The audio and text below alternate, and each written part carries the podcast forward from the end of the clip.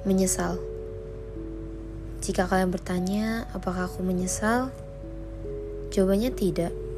Jika kalian tanya mengapa, karena dia pernah menjadikanku seseorang paling sempurna. Karena dia pernah ada di suka maupun dukaku. Karena dia juga pernah meluangkan waktunya untukku. Banyak orang yang bilang menyesal setelah berpacaran dengan mantannya. Padahal bagiku, tidak.